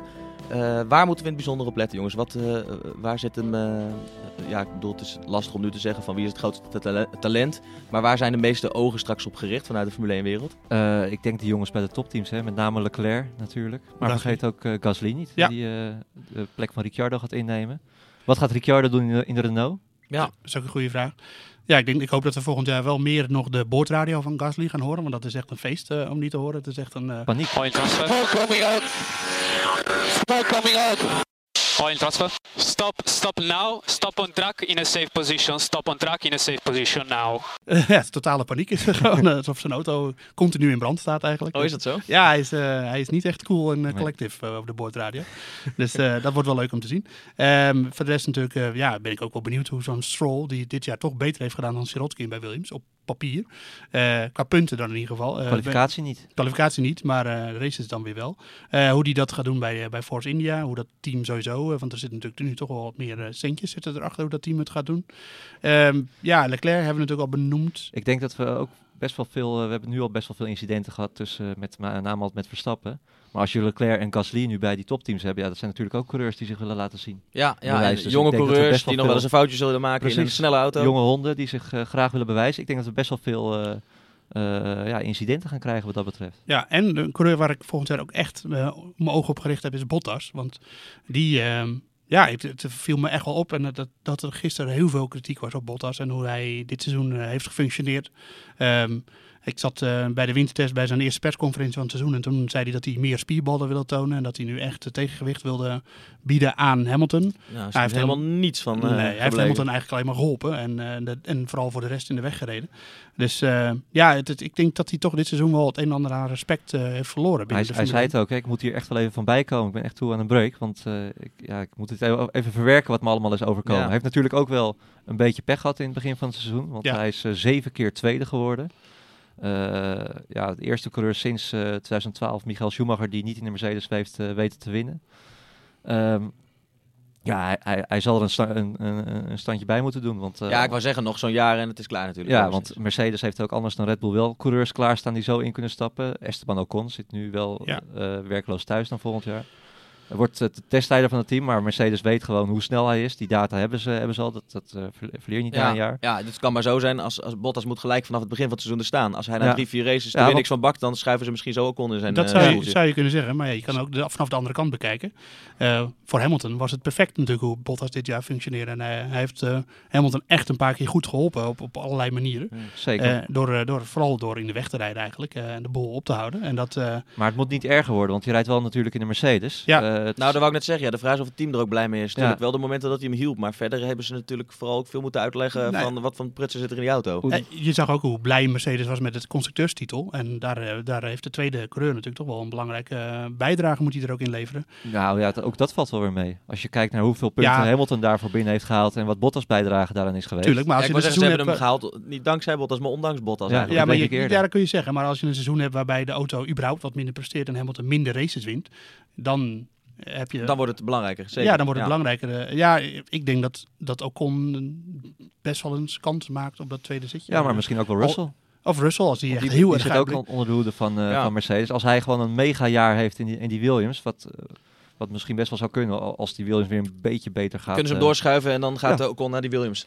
Nou ja, dan is het misschien wel klaar met. Uh, of dan, ze moet ook on, uh, in ieder geval losgelaten worden door Mercedes. Ja. Maar dan is het voor Bottas wel uh, klaar bij dat, bij dat team, denk ik. Hij, hij, moet er echt wel een treetje bij doen, toch? Nou dat, ja, al ga je gewoon redeneren. Je hebt dit jaar zes topauto's in het veld. Ja. En de vijf posities daarvan zijn ingevulde coureurs die zo'n topauto verdienen. Maar Bottas verdienen hem dit seizoen, denk ik, als je gaat kijken naar de prestaties, gewoon eigenlijk nee. niet. Er zijn gewoon, er rijden jongens rond in het veld die die auto eerder verdienen dan hij. En dat, dat, dat is gewoon wrang, dat, denk ik. Dat ook weet hij zelf inmiddels ook. Dat is ook wrang voor ja. Ocon. Ocon had natuurlijk eigenlijk nu de stop, stop, stap wel kunnen, misschien ook wel moeten maken. Als je kijkt naar dat Gasly die maakt, als je kijkt naar dat Leclerc die maakt. En, en voor hem is de weg geblokkeerd nu naar Mercedes. En dat is dan omdat Bottas daar rijdt. Terwijl hij gewoon eigenlijk twee seizoenen bij Mercedes niet heeft laten zien dat het nou echt top 10 materiaal is. Dat, misschien uh, hebben ze hem bij Mercedes ook wel iets te snel bevestigd, denk ik, achteraf. Dat ze toch zoiets hadden van, ook hoe het, hoe het is uitgespeeld. Hè? Want uh, Ocon, het, is, het is eigenlijk allemaal gekomen door Ricciardo. Die, uh, die uit het niets besloot om ja. naar uh, Renault te gaan. Want Ocon zou eigenlijk weer ja. uh, naar Renault gaan. Die was al een mondeling akkoord. En dat was eigenlijk allemaal in kan in kruiken. Maar dat deed Ricciardo. Precies. En daardoor zit Ocon nu eigenlijk zonder, zonder stoeltje. Dat Toto Wolff nu eigenlijk denkt van... verdomme, ik had, ik had Ocon, Ik had hem nu ook al kunnen die had, die had toen nooit kunnen voorzien dat Ocon nu nergens meer kon rijden. Nee. Dat, dat, is in ieder geval wel een ding. Wat nee, dit zag niemand eigenlijk aankomen. Nee. nee. Dus nou ja, ook weer een ander interessant aspect van, van het hele Formule 1 circus natuurlijk. Ja. Eén um, stoeltje is nog onduidelijk komend jaar. Ja, Toro Rosso. Hartley uh, doet het iets beter het tweede seizoen zelf. Ook een paar keer gekwalificeerd voor Gasly. Uh, maar over de, over de hele genomen is hij natuurlijk gewoon compleet overklasse. En, uh, en dat is niet de manier waarop op Red Bull werkt.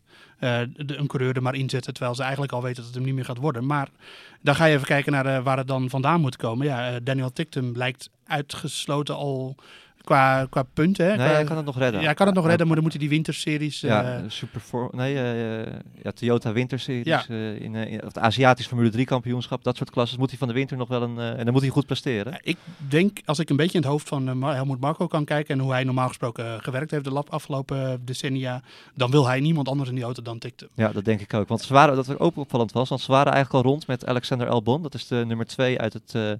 Voor, uh, of nee, nummer drie nu. Nummer drie nu. Ja. Hij stond voorafgaand aan het weekend tweede. In het Formule 2 kampioenschap. Uh, eigenlijk, die, die berichten waren er. Hè. Dit was al zo goed als rond. Maar uh, omdat hij ook een, bij Nissan onder contract staat, zou Formule E gaan rijden. Ja. Die werkte niet mee. En misschien ook Daniel Tictum, die won dus in Macau, de Grand Prix van Macau, de meest befaamde niet-Formule 1 race. althans, in de opstap, van de opstapklasses. Ja. won hij voor het tweede jaar op rij. Alleen ja, die heeft natuurlijk, dat is eigenlijk de enige Red Bull Junior die nog, op, die nog een beetje op de deur aan het kloppen is. Alleen wat Joost zegt, je hebt uh, punten nodig om in de Formule 1 te mogen uh, rijden op de je licentie. Ja. En, die moet je, en daar heeft hij er nog niet genoeg van. Dus hij moet nog een, een andere klasse zien te, te vinden waarin hij die punten kan scoren. Oké, okay, dus die gaan we nu nog niet in het stoeltje zien. Nee, maar nou ja, dat zou kunnen wel, als hij dan op tijd nog die punten binnenhaalt. Kan uh, dat nog? Het, ja, de, als hij die winterserie... In januari zijn die, ja. ja, het is wel een beetje kort dag. Maar kijk, anders moet, moet Red Bull iemand gaan halen van buiten de Red Bull stal. Nee, dus ligt in de lijn verwachting dat hij het wel wordt, mits hij het in die, uh, in die winterserie goed doet. En dan weten we dus pas, wel pas heel laat. Ik denk, het wel, ik denk wel dat ze het sowieso gaan uitzoeken. Want het is toch ook, dat hebben ze nu ook bij Hartley gedaan. Eigenlijk was dat al een beetje een brevet van onvermogen. Dat je dus iemand uh, terug moet halen. En in zekere zin ook met Fiat, die dus ook weer terug gaat, uh, ja. gaat komen. Iemand die afgeschreven is, ja, dat is toch wel ja. een beetje pijnlijk uh, voor, een, voor zo'n team of, of zo'n zo, zo autosportinstantie als Red Bull. Ja. Die altijd heel veel eigen talenten hebben gehad. En ik denk dat zij er alles aan willen doen om inderdaad Tictum in die auto te krijgen. En niet Albon, want Albon heeft dit seizoen ook niet niet heel goed gepresteerd. Hij wordt ook gewoon derde. Dus dat is niet des Red Bulls om dan een coureur van die staat. Die hebben altijd de topjongens uh, hebben ze onder contract staan. Alleen ja, nu van de, de generatie die er nu aan zit te komen. Leclerc, Russell, uh, nu toevallig even niet. Ze nee. hebben Gasly natuurlijk wel. Die kunnen ze nu toch gewoon ook weer zo doorschuiven. Dus ze hebben er wel één. Maar daar houdt het dan ook wel een klein beetje mee op. Ja. ja. Wil ik nog even uh, nog een andere Nederlander, Max Verstappen, noemen. De, de nummer 4 in de raceklasse lager, Nick de Vries. Ook veel in verband met gebracht met Formule 1, zeker in Nederland maar echt serieus voor het nieuwe seizoen in beeld geweest is die niet. Ik Wel, heb zijn naam niet. Ja, zijn naam één keer gehoord in, in verband met, uh, ja. met, met uh, Williams. Dan, uh, ja. Maar dat bleek ook, dat ontkennen die zelf alweer meteen via sociale kanalen van ik ben er niet mee bezig. Wordt, het werd al geopperd dat hij gesteund zou worden door Jumbo, omdat ja. Jumbo hem ook steunt in het WEC-kampioenschap, het World Endurance Championship, waar hij mee rijdt. Maar dat was niet waar, maar ik, ja, nou ja, kijk, uh, als je uh, zo'n coureur als De Vries, uh, die zou dan toch eigenlijk wel een dikke, dikke portemonnee mee moeten brengen, denk ik, om ergens nog aan, de, aan de bak te komen in de Formule 1. Het is niet uitgesloten dat hem dat, dat, hem dat nog lukt. Want hij is relatief niet de jongste meer. Hij is niet, niet de jongste meer. En als je kijkt naar Russell en ook Lennon Norris, die... Hoe oud is Nick De Vries? 24? 23. 23, als, maar als je kijkt naar Russell, die komt één seizoen... Valt best mee. Valt best mee. En hij is ook niet, niet te oud of zo, maar Russell komt één seizoen in de GP2 als GP3-kampioen al. En die schrijft meteen door. en die wordt meteen kampioen. En kijk, dat zijn dan val je echt op. En, en uh, Nick de Vries heeft echt best wel goed gedaan in de, in de op, opstapklasse, maar net niet ja, dat je echt vol op de radar staat van de topteams. Dat je niet meer om hem heen kan. Kijk, als hij dit jaar kampioen was geworden in de, in de Formule 2, hij reed bij uh, Prema, wat uh, een topteam is. Vorig jaar Leclerc in die auto kampioen, het jaar daarvoor Gasly in die auto kampioen. Andersom. Of, uh, Leclerc was bij AT, uh, toch? En Prema, ja, bij, nou, maakt ook niet uit, maar Prema, daar, reed, uh, daar werd Gasly in ieder geval kampioen. Dus dat is gewoon een topteam. En ja, dat heeft niet misschien niet alles eruit gehaald wat erin zat. Hij had ook een sterk veld om zich heen natuurlijk met Norris en Russell. Uh, dus hij heeft het helemaal niet slecht gedaan. Hij heeft ook nog wel races gewonnen natuurlijk. Uh, reed ook nog aan de leiding af. Vierde geworden Ja. ja. dus hij heeft het echt wel goed gedaan. Maar ja, al wil je echt op de radar zijn bij Formule 1 teams, dan moet je twee dingen hebben. Of je moet een zak geld hebben, een hele grote zak geld. Dan had hij bijvoorbeeld dat uh, zitje van Kubica kunnen hebben. Uh, of je moet echt uh, een gigantisch cv hebben. En dat, dat heeft hij gewoon niet. Hij, Zo, zat, hij zat natuurlijk wel in het rijdersprogramma van, van, van McLaren. McLaren. Ja. Maar ja, die hebben nu overduidelijk voor Norris gekozen. Ja. En die zitten, ja, voor de komende jaren zitten die wel uh, ja, re redelijk stabiel daar. Ja, hij moet komend jaar kampioen worden eigenlijk. En wie weet dat het dan nog uh, kans maakt. Dan ja, doet hij in ieder geval goede zaken. Ja. Hij is in ieder geval nog niet te oud, laten we dat zeggen. Want Van Doornen was ook 26 volgens mij. Dat die, die was ook relatief het zou, oud. Het zou fantastisch zijn natuurlijk. Hè? Twee Tuurlijk, Nederlanders. ja, helemaal absoluut. Ik Ja. het van harte. Ja. We gunnen het hem allemaal heel erg Ja. van harte. Ja. Ja. nou, we gaan het zien. Volgend seizoen in ieder geval een nieuw Formule 1 seizoen met sowieso Max Verstappen. Dat staat, eh, dat staat vast. En met ongetwijfeld weer eh, veel spektakel. Hopelijk minstens zoveel spektakel eh, als dit jaar. Wij zijn er, eh, wij zijn er doorheen eh, voor Yes. nu. We gaan onze winterslaap in. maar, eh, maar niet helemaal. Want eh, natuurlijk zijn we, als er aanleiding toe is, eh, ook eh, tijdens deze winterperiode wel een keer terug met deze eh, podcast. De Boordradio dus. Abonneer je daarom ook vooral even via iTunes of je eigen favoriete podcast-app. We hebben eind februari, begin maart natuurlijk de wintertest in Barcelona. Waar wij uitgebreid aandacht aan zullen besteden. En ook eh, tijdens de winterperiode is alles over de Formule 1 en Max Verstappen te lezen op, eh, op nu.nl. Dus eh, blijf ons bezoeken en wij zien jullie binnenkort weer terug. Bedankt voor het luisteren. Bedankt voor dit seizoen. Ja. Dag. Fijne winter. Hoi. Dag. Dag.